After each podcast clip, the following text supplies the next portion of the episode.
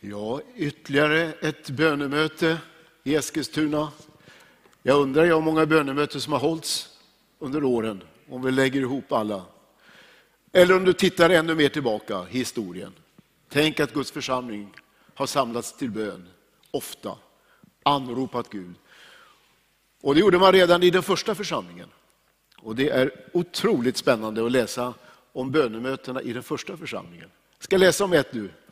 Och jag hämtar den här berättelsen ifrån Apostlagärningarna 12. Och när jag läser bereder på dramatik på hög nivå när jag läser nu. Jag läser från början, Apostlagärningarna 12. Vid den tiden lät kung Herodes gripa och misshandla några i församlingen. Jakob, Johannes bror, lät han avrätta med svärd. När han såg att detta vann bifall hos judarna fortsatte han och lät gripa också Petrus. Detta hände under det osyrade brödets högtid. Sedan han hade gripit honom satte han honom i fängelse och gav i uppdrag åt fyra vaktavdelningar om vardera fyra man att bevaka honom. Efter påsken ville han ställa honom inför folket.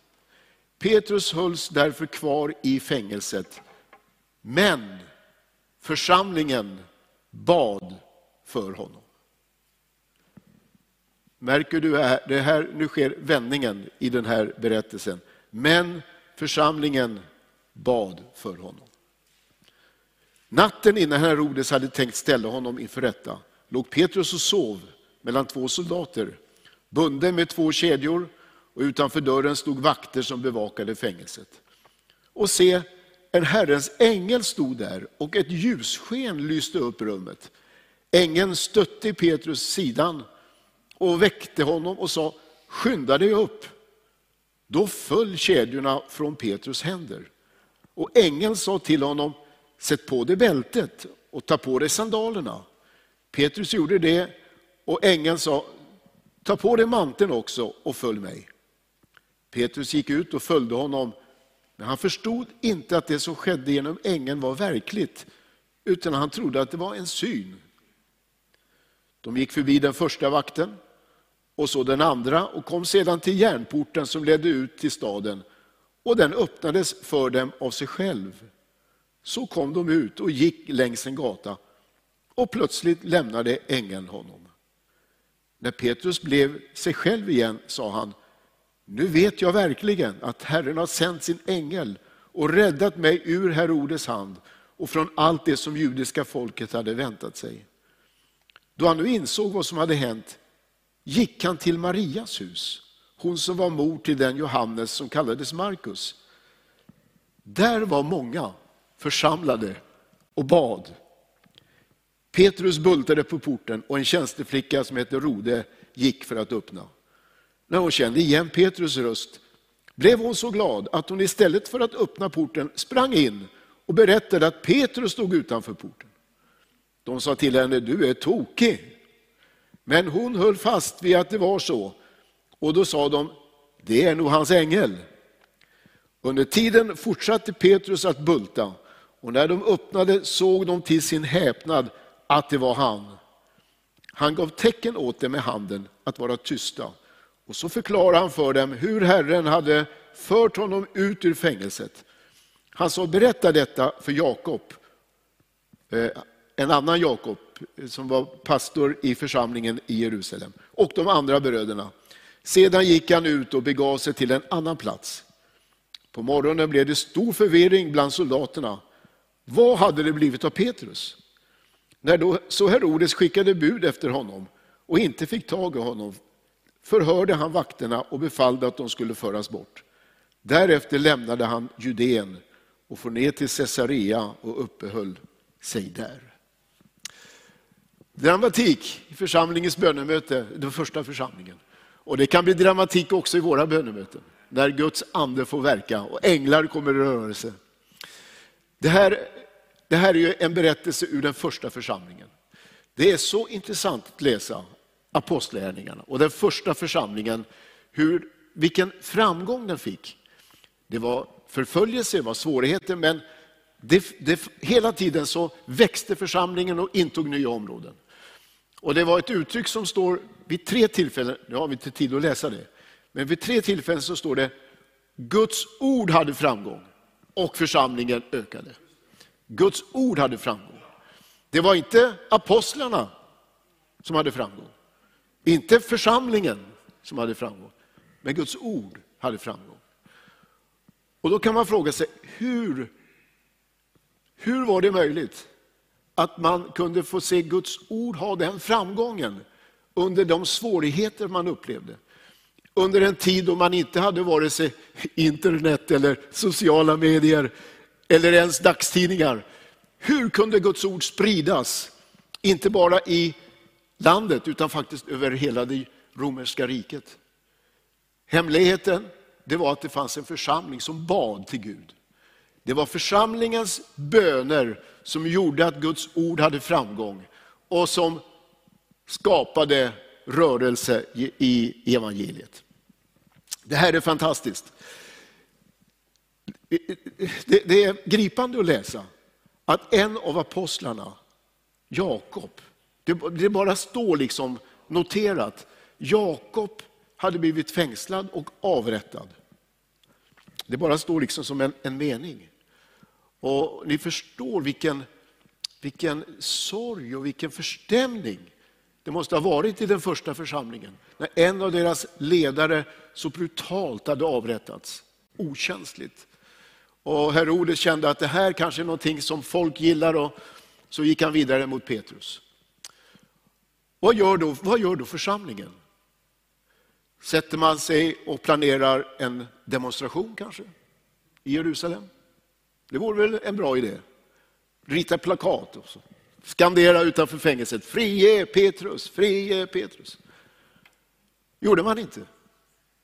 Kanske man satte ihop en petition eller ett, ett rundbrev och man skrev under. Och man... Nej, inte det heller. Kanske man satte sig ner och planerade ett fritagningsförsök. Vi kan kanske komma in i fängelset, vi kan fria Petrus. Du vet väl att eh, i församlingen i Kina, som är utsatt för mycket förföljelse, i deras bibelskolor så ingår det eh, på ämnet, äm, ett ämne hur man rymmer ifrån fängelset. För de, de, rym, de sätts så ofta i fängelse och de, de får lära sig på bibelskolan hur man kan komma ur den. Nu hade Petrus inte gått den kursen och lärjungarna tänkte aldrig den tanken. Men det står någonting. Men församlingen bad uttaligt till Gud för honom. Det var det som, det var det som de tog till sig. Vad ska vi göra? Vi ber. Och man, vi ber uttaligt till Gud. Och så samlades man tydligen hemma hos Maria. Och Det är intressant när Petrus kommer ut ur fängelset, så hans första tanke är det, vad, vad ska jag göra? Ah, tänkte han, de är nog samlade på bön hemma hos Maria, jag går dit. Det var där man brukade samlas. Han förstod, det var liksom reflexen hos den unga församlingen. När nöden kom så bad man till Gud. Och det var det som hade skett nu och som gjorde att Petrus blev fri eh, på det här sättet. Men församlingen bad. Ett litet uttryck som faktiskt förändrar hela dramatiken i den här berättelsen. Det vart inte en andra avrättning, utan det blev istället ett, ett, ett befrielseverk och Petrus som istället kunde åka vidare och Guds ord hade fortsatt framgång. Du förstår, det finns en sån hemlighet i det, att vi möts till bön tillsammans. Det är ju fantastiskt att vi får be var och en. Jag hoppas du gör det. Att du tar en stund, kanske fler varje dag, och ber till Gud. Jesus förutsätter att en, en troende ber. För han säger i sin bergspredikan, när du vill be, gå du in i din kammare, stäng dörren, stäng av din telefon och stäng av tvn och allt det som stör och sök mig. Det var egentligen det som han sa, stäng dörren, stäng ute allt. Så Jesus förutsätter att vi som troende, att vi tar tid och ber. Eh, och, och det är en fantastisk styrka i vardagslivet. Det gör att vi byggs upp och vi får kraft att leva ett kristet liv. Men det finns någonting fantastiskt att få be tillsammans. Och det var det man hade upptäckt i den första församlingen. Och det var därför jag sa inledningsvis att det är därför man har samlats till bön.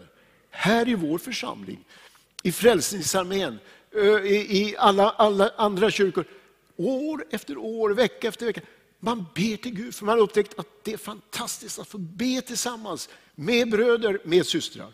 Det ligger en hemlighet i det, att få be tillsammans. Jag läste i eftermiddag ett intressant uttryck. Nu har vi inte tid att studera det, men om du går till femte Mosebok i kapitel 32, så står det där ett, en väldigt intressant notering. Det står att en av er kan driva tusen på flykten. Det är ju fantastiskt. Och så står det två kan driva två tusen på flykten. Nej, det är, det är, ju, det är ju normal matematik, eller hur? Om en kan driva tusen så är det ju två kan ju driva två tusen.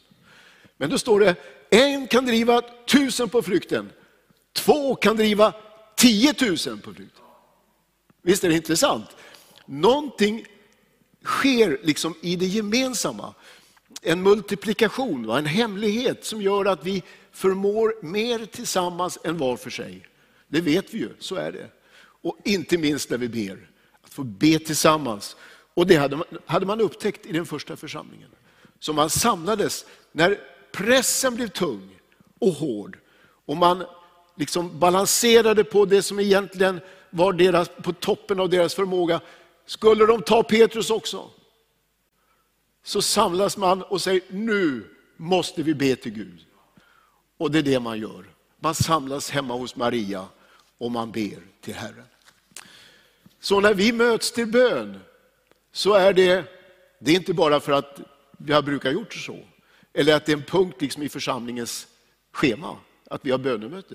Nej, vi har upptäckt att det finns en sån kraft i det. Det finns en sån resurs när vi ber tillsammans. Så att det här tror jag är det viktigaste mötet vi har i veckan. Att vi ber tillsammans. Det är så otroligt viktigt. Här i ligger kraften i en församling.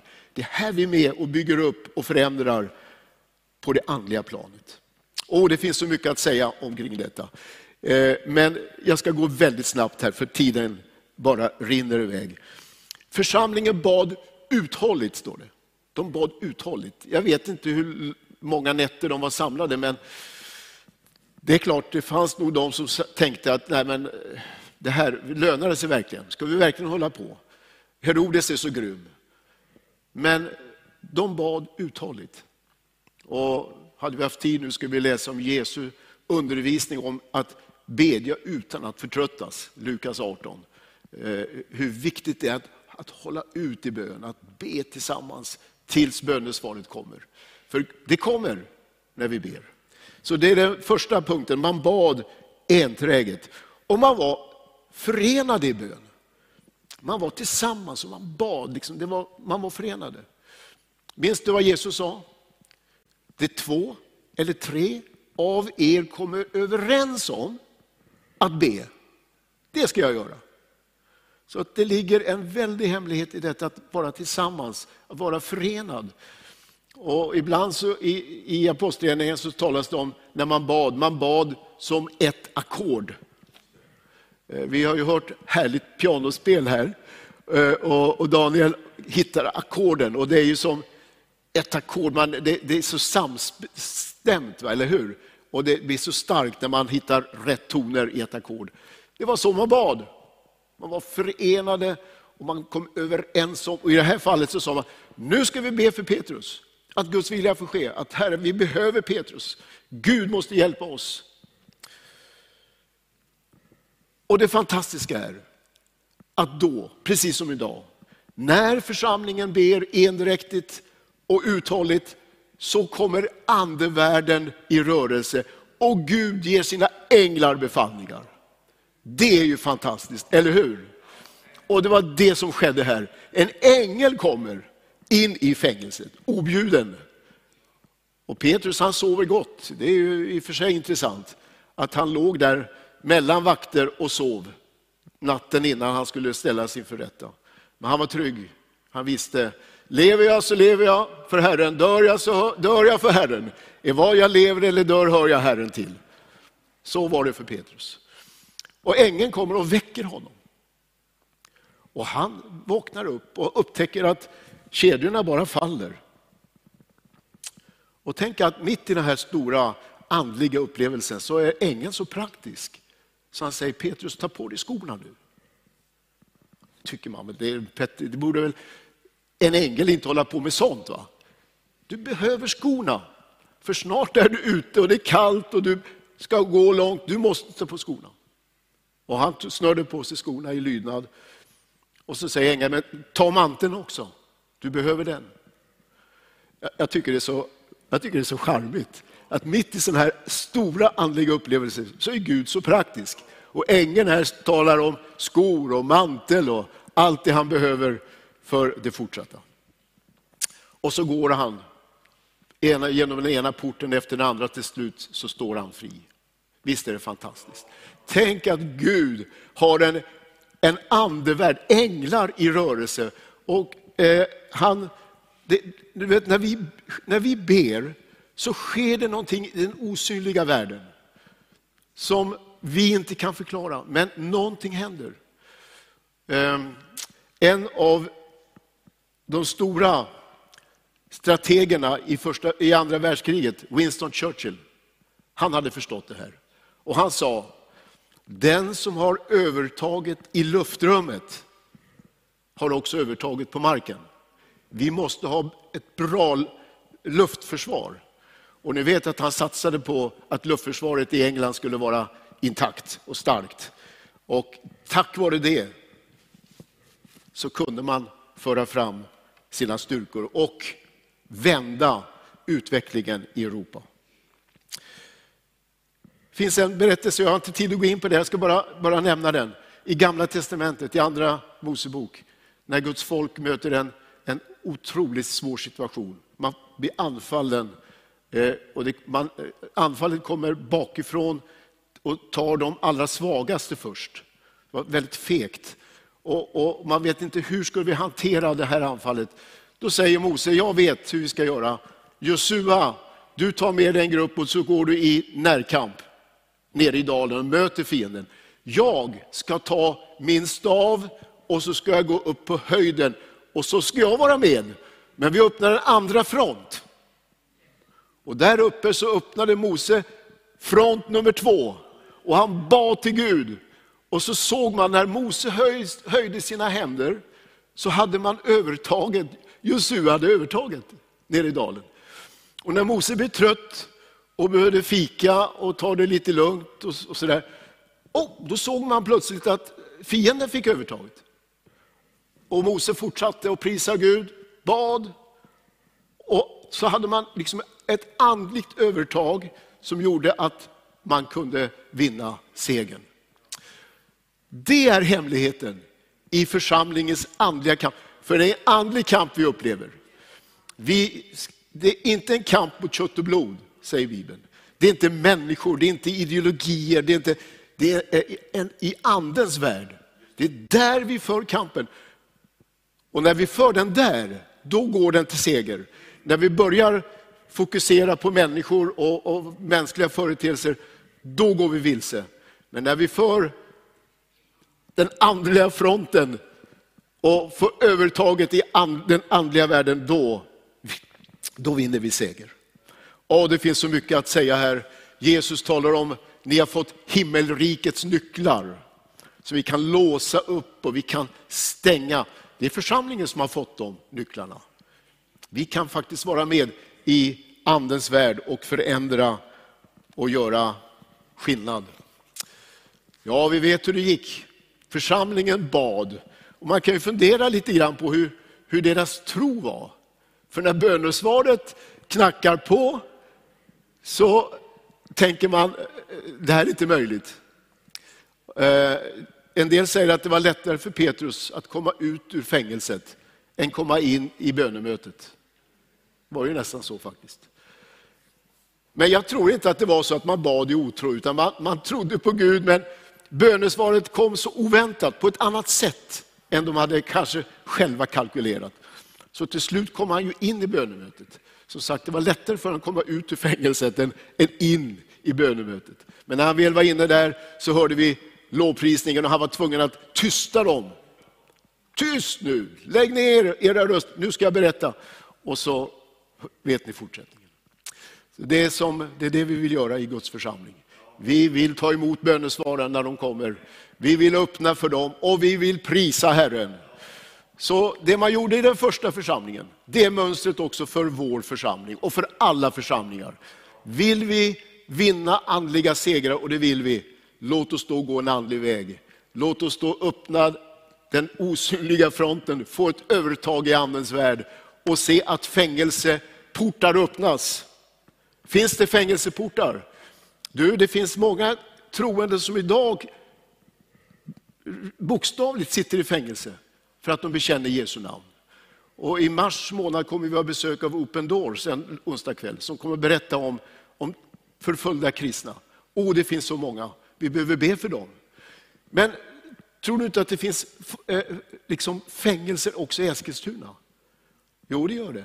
Människor som är fjättrade i, i, i, i droger, i tänkesätt, i synd. Och de behöver komma ut, de behöver komma fria. Och det är därför vi samlar till bön. Det är därför vi tar emot bönämnen, det är därför vi prisar Herren. Och så vet vi att vi får ett övertag i Andens värld. Och så får vi övertag också på marken. Och så går vi framåt i tro på Jesus Kristus.